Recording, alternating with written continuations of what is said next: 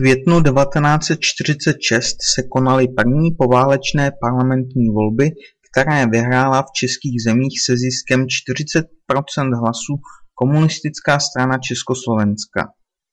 Vítězila nejen maximum z poválečného růstu popularity levice a Sovětský svaz jako vítěze nad nacismem, ale díky slibům další pozemkové reformy získala většinu hlasů venkovského obyvatelstva.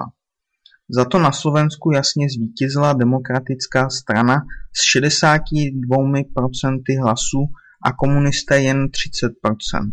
Ale i přesto tento neúspěch získali komunisté společně 38% hlasů a stali se nejsilnější stranou v zemi. Výsledek voleb se odrazil ve složení vlády.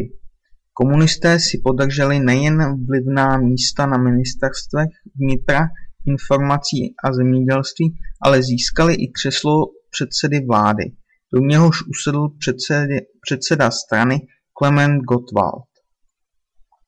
Ministrem obrany se stal tajný člen KSČ generál Ludvík Svoboda, který navenek vystupoval jako nestraník. V únoru 1948 vrcholí vládní krize v hradeckém programu KSČ. Program požaduje další znárodňování a rozparcelování statků nad 50 hektarů. Komunisté také dále pronikají na významná místa v silových složkách. Osm členů vedení SNB bylo nahrazeno komunisty.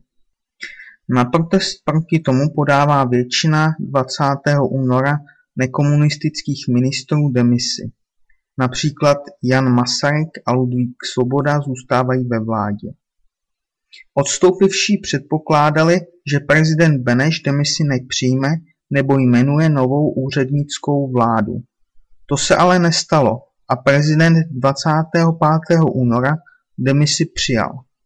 V těchto pěti dnech komunisté vyvíjeli na prezidenta silný nátlak organizováním demonstrací, stávek a vyzbrojováním lidových milicí.